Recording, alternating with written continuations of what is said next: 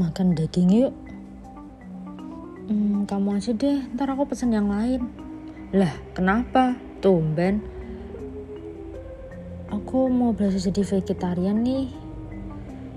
Setelah aku lihat-lihat kayaknya aku perlu deh jadi vegetarian dan menurut aku jadi lebih sehat gitu. Oh gitu. Um, sorry ya emang nggak cukup ya kalau sehari-hari tetap makan sayur atau buah tapi nggak sepenuhnya jadi vegetarian? Ya bakal beda sih menurutku. Dan aku pingin nyoba aja gitu. Siapa tahu bisa kan sampai selama-lamanya mungkin. Oke deh, semoga kamu bisa jadi vegetarian dalam jangka waktu yang panjang ya.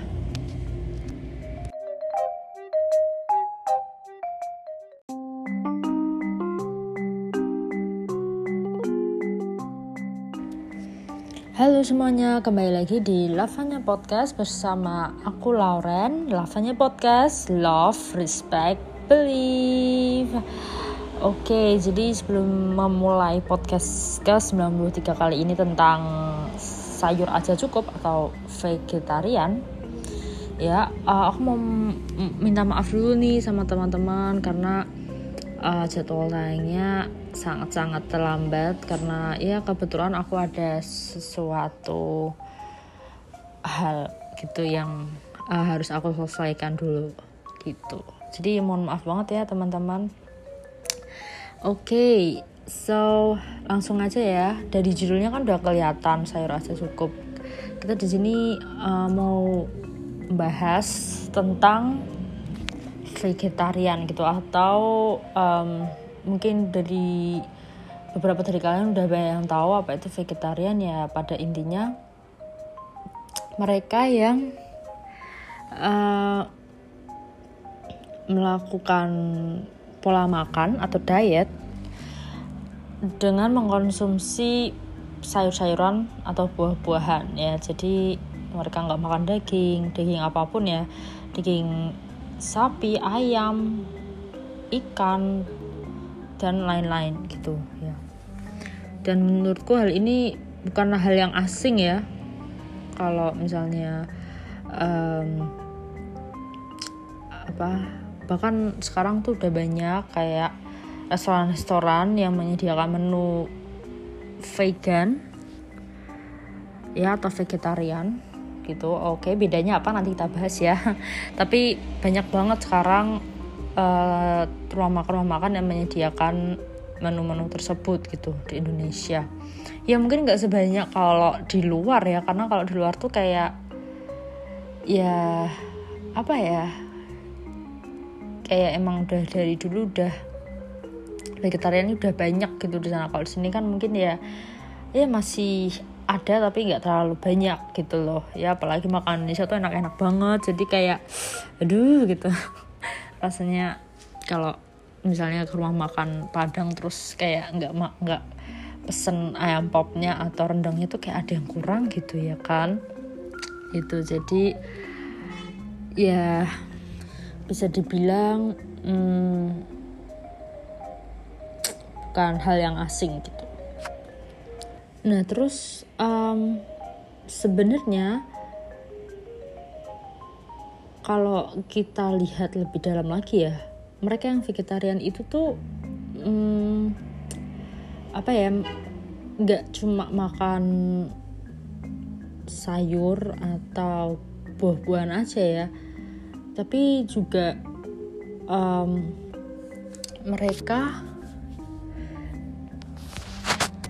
bisa makan kayak biji-bijian, kacang-kacangan gitu. Dan of course tentu aja uh, menu menu yang kayak karbohidrat itu yang kebanyakan kayak um, kentang, nasi, ya beras itu tuh pasti mereka bisa makan gitu itulah kenapa um, mereka yang vegetarian ini ya itu biasanya asupan karbohidratnya tuh lebih banyak daripada kita yang um, bukan vegetarian gitu ya. Tapi uh, bukan berarti jadinya tuh kayak mereka yang vegetarian sama kita yang enggak vegetarian. Misalnya itu tuh um, kebutuhan nutrisinya jadi beda gitu. Enggak gitu. Sebenarnya kita tuh tetap kebutuhan um, nutrisinya tuh tetap sama cuma kita tuh lebih kayak fokus ke mana nih gitu loh.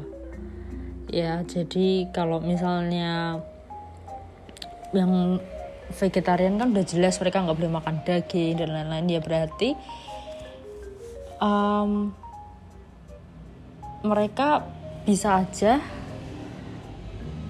misalnya daging atau telur yang mengandung protein banyak itu mereka harus cari ya bukan bisa aja ya maaf tapi kayak harus mencari alternatif lain gitu loh untuk memenuhi kebutuhan nutrisi mereka gitu.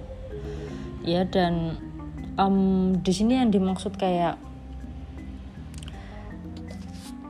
beberapa nutrisi itu butuh perhatian khusus itu mungkin kayak tadi yang udah aku bilang ya jadi um, oh karbohidrat karena orang vegetarian itu kar asupan karbohidratnya misalnya lebih tinggi karena ya itu kan jelas-jelas boleh ya mereka maksudnya makan kentang dan itu kayak mungkin um, sumber terbaiknya dari situ gitu dibanding kayak misalnya mereka mau makan protein yang misalnya dari kacang-kacangan atau uh, dari kacang-kacangan yang dulunya kalau misalnya mereka belum belum jadi vegetarian dari daging tapi mereka sudah diganti kacang-kacangan di mana yang biasanya mungkin daging ayam file yang biasa itu yang yang masaknya gampang cepet gitu dan ya ibaratnya kita makan dengan porsi biasa tuh udah banyak protein yang kita serap. Tapi enggak gitu mereka harus ganti kacang yang dengan porsi porsi yang sama itu mungkin malah malah jadi kurang gitu. Mau berarti mau nggak mau mungkin dua kali lipat atau tiga kali lipat atau gimana gitu ya.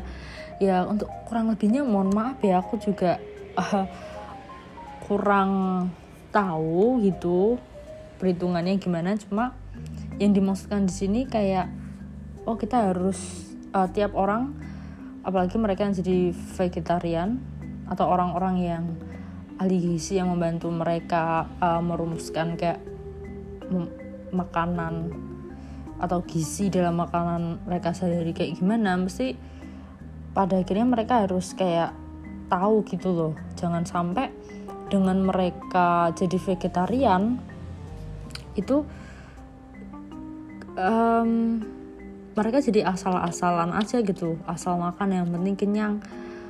Yang penting misalnya um, ayo udahlah makan kentang aja gitu. Makan kentang wortel. Eh tapi ternyata itu nggak mencukupi kebutuhan nutrisi sehari-hari mereka gitu ya.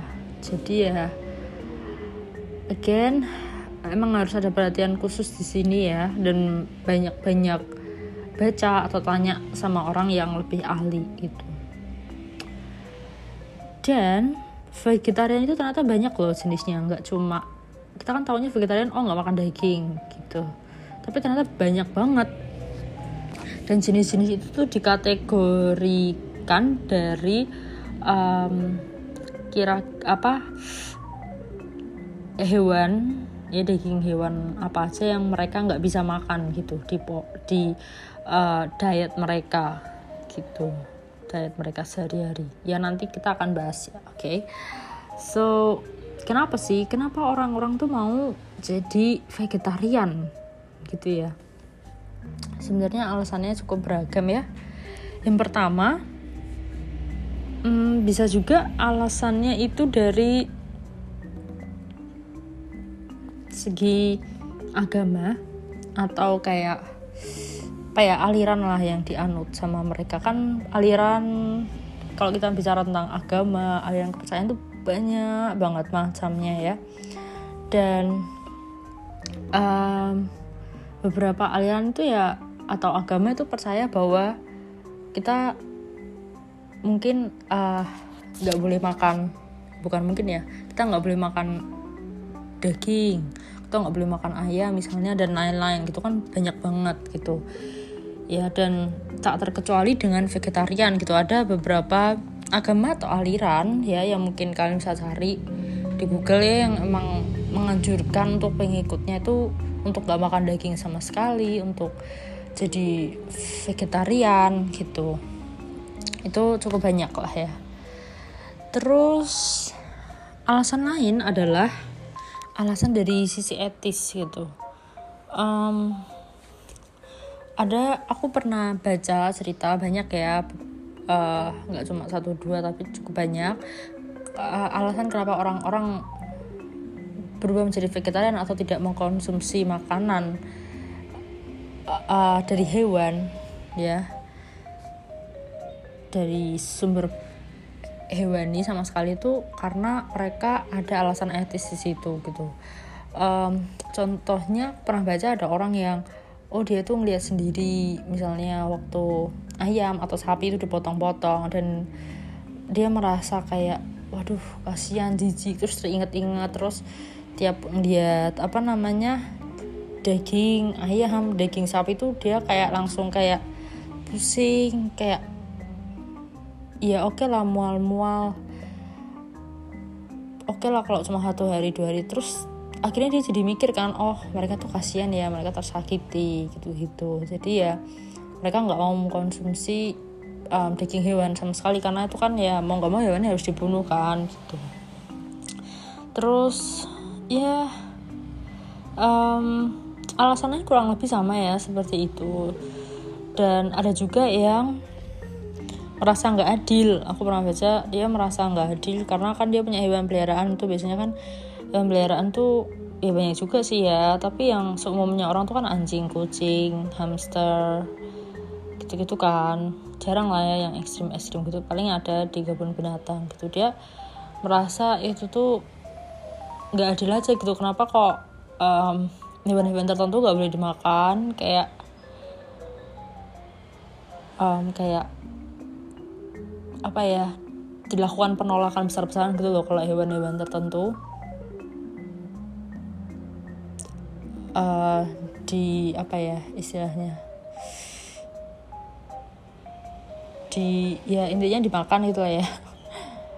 Um, tapi kenapa hewan-hewan yang lain tuh enggak gitu loh? Emang apa bedanya? Emang ya pokoknya dia aku liatnya sih gitu sih dia kayak kebingungan. Dan dari situ dia memutuskan untuk ah jadi vegetarian aja deh gitu biar kayak adil gitu. Karena ya mungkin paham sih aku mungkin dia cinta banget sama hewan peliharaannya dan dia nggak bisa bayangin itu terjadi sama hewan peliharaannya tapi kok ada hewan-hewan lain yang kayak normal-normal aja gitu loh buat dimakan gitu. Dan ada salah satu tokoh yang cukup terkenal ya um, menyuarakan tentang vegetarian ini. Um, yaitu dia bernama Peter Singer dia adalah seorang filsuf ya yang membicarakan tentang etika secara uh, keseluruhannya tuh. Kurang lebih kayak gitu ya. Dan dia punya buku judulnya itu Animal Liberation di mana dia di situ bilang kalau um, hewan itu tuh memiliki rasa sakit ya sama kayak manusia gitu. Jadi mereka tahu kalau mereka tuh tersakiti ya. Dan itulah kenapa manusia tuh harus berpikir um, berpikir dua kali lah ya untuk untuk tidak menjadi vegetarian karena ya hewan-hewan itu tuh mereka bisa merasakan sakit juga seperti apa yang manusia rasakan tapi bedanya mereka nggak bisa ngomong juga nggak bisa apa ya marah atau mengungkapkan isi hati mereka kurang lebihnya gitu. Jadi kayak ya mau nggak mau kan ya manusia kan ada di di dunia ini ya kalau kita ngomong itu manusia itu ada di puncak tertinggi gitu loh. Yang aku nggak ngomong kayak maksudnya puncak tertinggi lantai makanan ya. Bukan puncak tertinggi kayak apa gitu nggak. Jadi ya ya hewan-hewan kan ya cuma bisa tunduk kan sama manusia gitu. Dan dan ya gitu dia dia nggak setuju aja gitu. Kenapa hewan kenapa kita nggak bisa lebih peduli gitu loh sama hewan-hewan itu? Gitu um, tapi setelah aku lihat sih ya dia itu dia dia mengakui dirinya itu vegan tapi dia masih makan dairy products ya. Kayak susu telur gitu. Yang penting nggak dagingnya langsung. Jadi kayak dia masih makan olahan-olahan yang um, dari hewan tapi bukan dari daging hewannya langsung gitu ya. Mungkin kayak telurnya susunya gitu ya. Terus dia juga masih makan kerang-kerangan karena nggak tahu dia bilang di sini kalau mereka nggak bisa merasa tersiksa atau gimana aku juga nggak ngerti ya. Pokoknya ya pada intinya dia ve berarti dia masuk ke dalam vegetarian gitu lah ya. Gitu. Oke okay, dari segi etis dan selanjutnya mungkin dari segi terapeutik yaitu di mana kalau menurut aku sih di sini kayak untuk keperluan terapi ya. Jadi hmm, mereka awalnya tuh nggak ada niatan sama sekali gitu loh jadi vegetarian gitu. Tapi terpaksa karena ya masalah kesehatan gitu misalnya mereka sakit atau ya sakit itu bisa macam-macam ya obesitas dan sebagainya. Dan ya dokter menyarankan dua kamu jadi vegetarian aja. Selamanya atau mungkin mereka punya alergi atau hal-hal lain lah yang berhubungan dengan kesehatan mereka yang mau nggak mau mereka harus jadi vegetarian gitu. Terus um, alasan lain adalah um, alasan kosmetika gitu ya. Um, mungkin agak aneh ya tapi menurutku ini agak ini masuk akal sih menurutku karena um, emang kalau misalnya kita lebih banyak mengkonsumsi buah-buahan sayur-sayuran apalagi sehari-hari dalam jumlah yang banyak ya dan masaknya tuh juga sehat gitu atau apalagi raw menurut aku itu uh, bagus banget untuk kulit kita ya. Dan tentu saja untuk mengontrol berat badan kita ya. Biasanya ini tuh dilakukan oleh para wanita ya gitu. Dan um, kalau aku mau kasih contoh sih bisa yaitu mamaku sendiri. Jadi mamaku tuh dulu kayak suka banget um, terapi-terapi gitu. Dia tuh suka apa ya challenge yourself gitu loh. Aku inget banget dia pernah ikut challenge. Jadi dia um, kayak buat satu um, satu minggu satu bulan terserah dia lah ya maunya berapa lama. Cuma dia berusaha kayak jadi vegan gitu loh. Ya jadi kayak makan sehat gini-gini dan emang itu sangat-sangat berpengaruh banget. Aku lihat sendiri uh, perubahannya di tubuh mama aku gitu. Oke, okay, dan alasan lainnya ya kurang lebih sama ya, kayak alasan kosmetika, yaitu untuk menghindari penyakit. Ya jadi ya nggak sama juga sih. Ya tadi kan cuma mengontrol berat badan ya. Tapi ini kayak menghindari penyakit degeneratif yang um, semakin meningkat gitu loh. Di di mana pun itu di dunia gitu. Kayak misalnya hmm, cancer bisa mencegah kanker. Terus kolesterol diabetes dan lain sebagainya Oke, okay, kalau gitu hmm, langsung aja ya kita kayaknya nih uh, yang ditunggu-tunggu mungkin ya apa sih jenis-jenis dari vegetarian itu sendiri oke? Okay, jadi kurang lebih jenisnya itu ada sekitar 6 atau 7 gitu ya. Yang pertama itu ada vegan ya. Jadi um, vegan itu ya intinya dia memang cuma makan buah-buahan, sayur-sayuran, kacang-kacangan, biji-bijian. Ya pokoknya dari tumbuhan dan um, itu bisa berubah buah atau sayuran gitu nggak dari hewan ya sama sekali gitu Terus yang kedua itu ada semi vegetarian atau bisa juga disebut demi vegetarian atau partial vegetarians yaitu mereka yang um, makan sayur dan buah tapi mereka tetap makan uh, daging. Daging hewan tapi nggak semuanya gitu tertentu. Ya dan tertentunya mungkin um, tergantung orang itu ya atau gimana gitu. Um, tapi tetap masuk ke vegetarian gitu. Biasanya sih kecuali daging merah ya. Jadi selain daging merah it's okay gitu. Terus yang ketiga itu ada raw vegan ya. Jadi sama itu kayak vegan tapi hmm, bener-bener kayak proses memasaknya tuh sangat minimalis banget mungkin ya. Beda kalau misalnya uh, kita masak misalnya nih kacang panjang gitu. Kalau kita tuh macam-macam tuh. Ada pakai tauco ada pakai sambal ada pakai apa apa apa tapi dia enggak. Dia kayak dimasak mungkin sekitar nggak sampai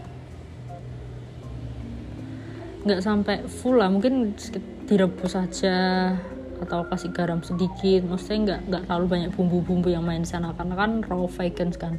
Dan tentu saja orang-orang yang raw vegans aku juga punya temen yang raw vegan dia ya emang lebih sering ngomong konsumsi kayak secara langsung ya dicuci habis langsung dimakan aja gitu.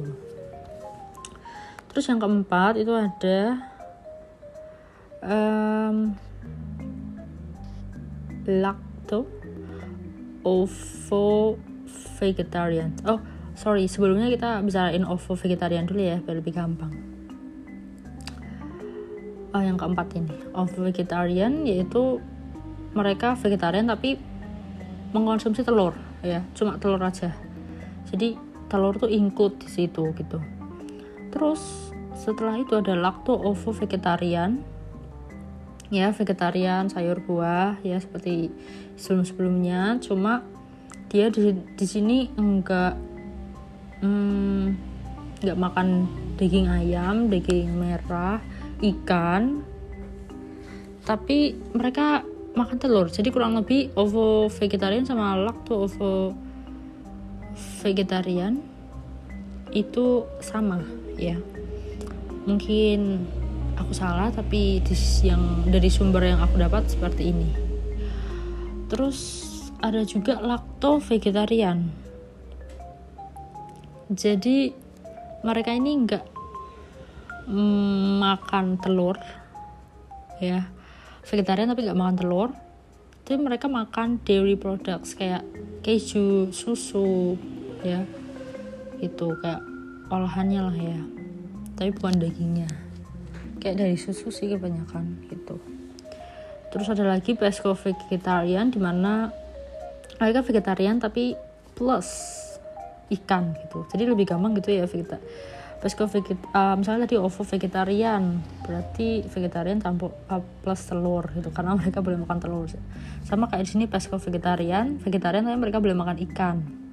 Terus ada polo vegetarian vegetarian plus ayam poultry atau unggas-unggasan lah ya kayak ada burung dara kok di Indonesia ada macam-macam atau pesco polo vegetarian di mana dia vegetarian tapi boleh makan ikan dan unggas-unggasan gitu. Dan yang terakhir um, ada strict vegetarian atau bisa dibilang um, ini kurang lebih sama sih kayak um, vegetarian atau vegan tadi itu. Jadi ya nggak boleh daging sama sekali dairy produk juga nggak boleh pokoknya cuma sayur dan buah-buahan. Gitu. Cukup banyak ya ternyata. Oke. Okay. terus langsung aja kita bahas dampak positifnya nih. Dampak positif dari um, ketika seseorang menjadi vegetarian tuh apa dampak positifnya ya? Um, tentu saja seperti yang udah aku sebutin tipis-tipis tadi ya di atas vegetarian tuh dianggap dapat menghindari beberapa penyakit uh, degeneratif seperti hipertensi, kanker gitu. Ya terus dia juga bisa um, mencegah seseorang untuk menjadi obesitas ya. Dan penyakit jantung terus diabetes hipertensi gitu. Jadi emang manfaatnya bagus banget ya terus um, vegetarian itu dinilai katanya mereka lebih aktif secara fisik gitu daripada mereka yang nggak vegetarian gitu. Ini aku juga kurang ngerti ya kenapa bisa dianggap seperti ini tapi hmm, ada salah satu buku kontroversial yang terkenal tapi aku tuh maaf banget lupa judulnya apa. Um, ini yang nulis kayaknya seorang dokter ahli gizi gitu atau ilmuwan ya.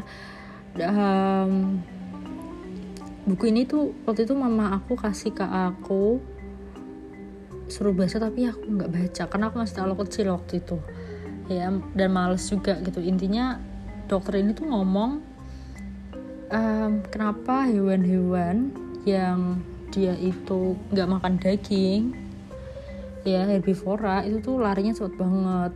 Lebih sehat berotot dan sebagainya daripada hewan-hewan yang karnivora atau omnivora gitu. Ya jadi um, dan ya intinya dokter ini jelas seorang vegetarian gitu. Karena mamaku juga cerita oh ini tuh dokter ini vegetarian. Gitu dan ya mungkin karena aku nggak baca sama sekali ya, mohon maaf ya jadi aku nggak bisa jelasin juga kenapa tapi um, aku agak meragukan sih kalau misalnya orang vegetarian dibilang kayak lebih aktif gitu kayak ya menurut aku baik lagi ya nggak ada hubungannya gitu. Oke okay, terus um, menurut penelitian juga um, seorang vegetarian itu sangat membantu um, lingkungan sekitar ya. Kenapa? Karena um, ketika kita memproduksi uh, protein nabati uh, maksud aku hewani protein hewani itu kayak effort yang dikeluarkan tuh banyak banget loh ya. Mulai dari um, apa namanya nggak kita tahu kalau mau mem, mem, apa berternak ya entah ayam sapi dan lain-lain itu tuh kayak butuh ruangan yang luas ya. Terus kalau mau kalau mau apa eh, maksimal banget tuh kayak tahu kan kayak daging daging daging merah yang terkenal tuh kayak wagyu dan lain-lain daging Kobe di Jepang itu tuh biasanya mereka tuh kayak butuh apa ya sesuatu yang ekstra banget itu loh kayaknya buat sapi-sapinya. Ya misalnya oh mereka cuma minum susu ini terus rumputnya harus dijaga gini gini kan. Itu kan nggak mungkin ya nggak semua orang bisa melakukan itu gitu. Pasti ya cuma orang-orang yang di peternak atau orang-orang yang punya passion di situ yang mengerjakan itu. Dan nah dari sini kita juga bisa lihat dong misalnya kita mau makan daging merah ya itu ada di mana-mana di di kita bisa beli di Superindo bisa beli di supermarket bisa kalau kita di restoran juga ada banyak daging ayam dan lain sebagainya. Cuma yang dipermasalahkan adalah um, bagaimana proses ya distribusinya itu loh proses distribusi dari sumber-sumber peternakan itu ke konsumen. Kayak kita sehari-hari itu kan butuh uh butuh apa ya perjalanan jauh dengan truk atau bisa juga dengan pesawat terbang kalau dari luar negeri.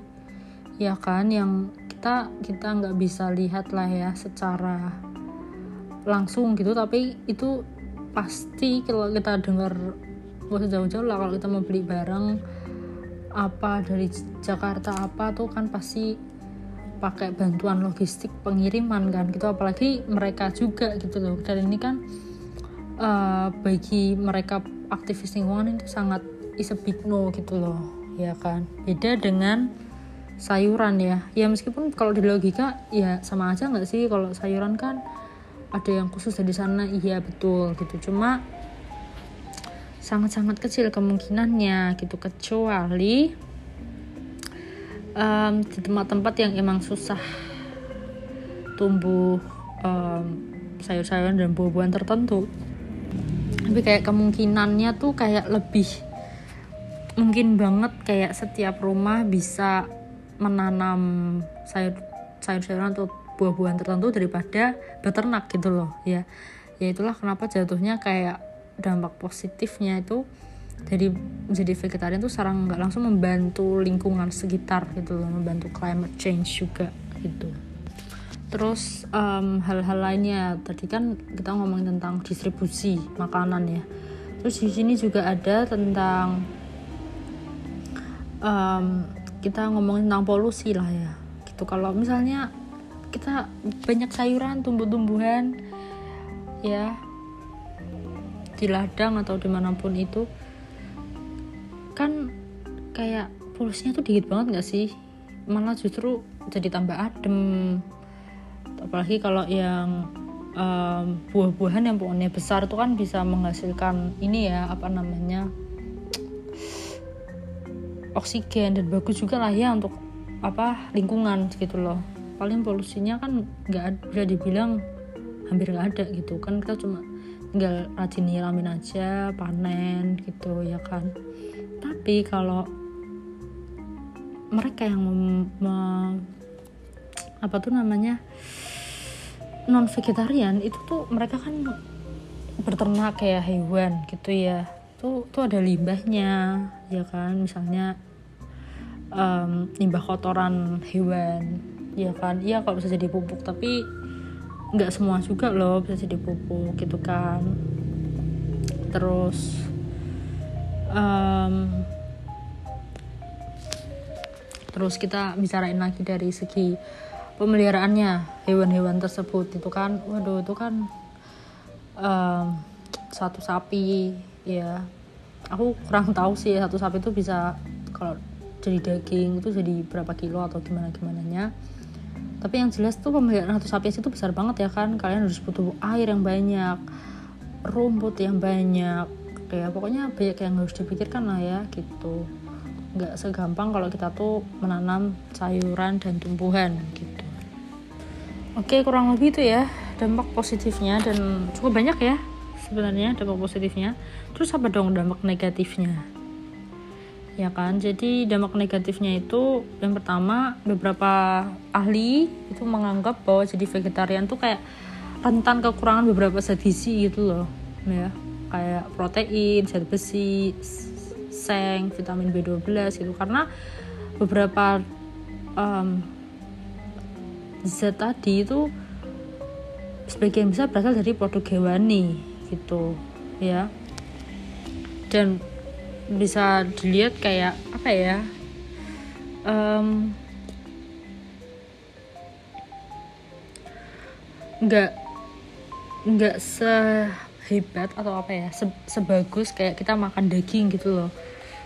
Kalau misalnya dibanding kita makan kacang-kacangan ya kan dan hal-hal mengganti um, apa yang kita anggap bisa menggantikan daging atau daging apa atau hewani gitu protein hewani gitu nggak nggak banyak. Apalagi yang vegetarian murni tadi itu ya mereka nggak nggak makan apa pun nggak makan telur juga susu dan lain sebagainya gitu. Dan ini juga berpengaruh banget ya banyak yang aku juga pernah lihat sendiri ada um, keluarga yang dia itu menerapkan vegetarianisme. Dan itu juga mereka terapkan ke anak-anak mereka sedari mereka lahir gitu. Dan banyak orang yang mengkritik. Karena ya mereka berpikir tuh bahwa jadi jadi seorang vegetarian itu kan pilihan hidup ya. Dan itu nggak adil aja gitu loh. Kayak um, mereka kayak memaksa anak-anaknya untuk seperti itu. Sedangkan mereka tuh mungkin dulu masa kecilnya nggak nggak gitu banget lah ya nggak jadi vegetarian juga dari bayi karena mereka butuh susu lah apalah dan lain sebagainya gitu. Dan dia emang bisa dibilang um, terutama buat yang masih masa pertumbuhan atau anak-anak ya itu kayak agak-agak kurang maksimal nanti pertumbuhannya kalau mereka udah jadi vegetarian dari kecil gitu. Karena ya mau nggak mau mereka tetap butuh asupan-asupan dari protein hewani itu oke terus ya mm, bisa dibilang dilema terhadap um, vegetarian ini cukup cukup banyak ya. Ya yang pertama kayak apakah lebih sehat iya bisa dibilang iya tapi juga perlu perhatian gitu kayaknya. Nggak bisa seolah-olah langsung oh iya jelas lebih sehat lebih sehat gitu. Karena balik lagi itu tuh dari sumber yang aku baca ya balik lagi kalau kita mau ngomongin lebih sehat yang mana balik lagi ke personal seseorang tersebut gitu. Jadi ada yang vegetarian tapi mereka juga kehidupnya nggak sehat-sehat banget nggak pernah olahraga masih minum minuman keras atau merokok gitu. Tapi ada juga yang nggak vegetarian tapi mereka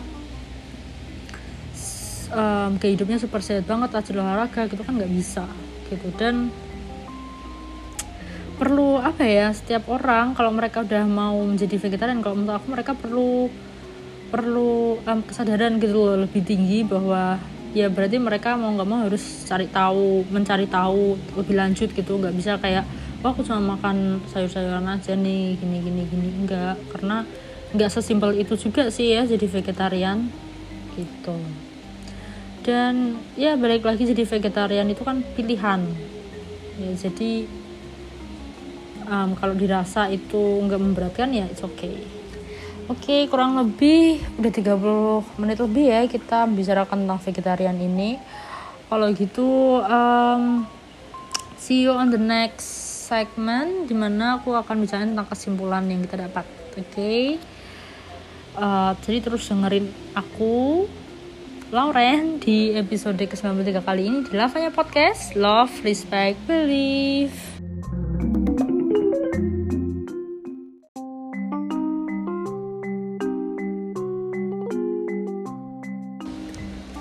Halo semuanya, kembali lagi di Lavanya Podcast Love, Respect, Believe.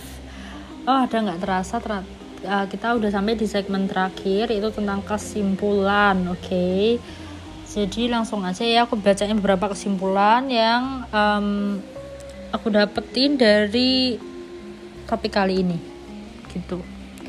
So, jadi yang pertama Vegetarian adalah suatu paham um, dalam pengelolaan pola makan yang berfokus pada tumbuh-tumbuhan yaitu sayur dan buah ya. Jadi um, tidak uh, fokusnya itu pada sayur dan buah aja gitu. Nggak pada daging-dagingan atau protein hewani meskipun pada perkembangannya itu nanti bisa jadi banyak jenisnya ya. Dan masih di jenis-jenis vegetarian tersebut masih ada yang boleh dan bisa makan daging gitu terus um, yang kedua beberapa alasan seseorang menjadi vegetarian adalah yang pertama karena alasan agama atau kepercayaan yang mereka anut. Lalu ada alasan etis alasan terapeutik dan alasan pribadi. Ya alasan pribadi ini mungkin kayak lebih ke kesehatan yang kurang lebih sama kayak terapeutik tadi atau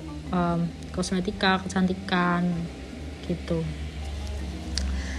Lalu yang ketiga, menjadi seorang vegetarian memiliki beberapa kelebihan, antara lain dinilai um, lebih sehat dan lebih baik bagi tubuh, serta um, dapat membantu lingkungan alam sekitar, gitu ya. Terutama kaitannya dengan climate change, ya, dan lain sebagainya. Lalu yang keempat, menjadi seorang vegetarian itu sebenarnya merupakan sebuah pilihan gitu ya yang pada akhirnya perlu dijalani dengan penuh rasa tanggung jawab dan tentu saja tidak dapat dipaksakan ke orang lain ya. Jadi ya sama seperti pilihan-pilihan hidup yang lain ya. Menjadi seorang vegetarian itu juga merupakan sebuah pilihan gitu yang ketika kita udah mantap mau jadi vegetarian ya silahkan dan gak ada yang memaksa juga misalnya harus vegetarian yang benar-benar gak boleh makan daging gak boleh makan apa ya tergantung kitanya aja mau gimana ya kan. Kita enaknya gimana kita mulainya pelan-pelan juga nggak apa-apa.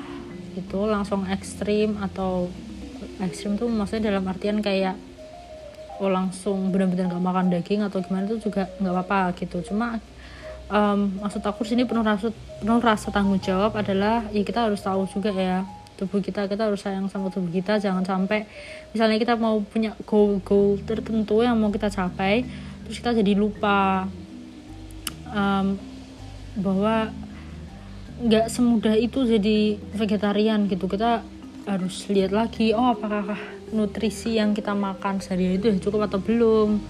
Kurang apa? Apakah aku merasa nyaman atau gimana gitu? Jadi ya bener-bener lah harus um, apa ya terus menerus belajar gitu. Dan tentu saja tidak bisa dapat dipaksakan ke orang lain gitu. Kayak misalnya um, ke seorang ibu vegetarian terus dia pengen naik jadi vegetarian padahal sudah banyak penelitian di mana sangat-sangat uh, berbahaya ya buat anak-anak untuk mengikuti gaya hidup ini gitu. Berbeda kalau mungkin kalau sudah berumur gitu. Ya kurang lebih itu kesimpulan dari episode ke-93 kali ini. Semoga apa yang aku sampaikan dapat memberikan insight baru ya buat kalian um, dan kalau misalnya kalian punya pertanyaan atau saran dan kritik ya kan bisa langsung aja DM di Instagram kita at lavanya.podcast atau email kita di lavanya.podcast@gmail.com pasti uh, langsung kita akan kita balas segera mungkin gitu. So sampai sini dulu podcast kali ini. Aku Lauren sekali lagi mohon maaf kalau telat banget ya. Tapi Semoga kita bisa bertemu di kesempatan berikutnya di Lavanya Podcast. Love, respect, believe. Bye semuanya.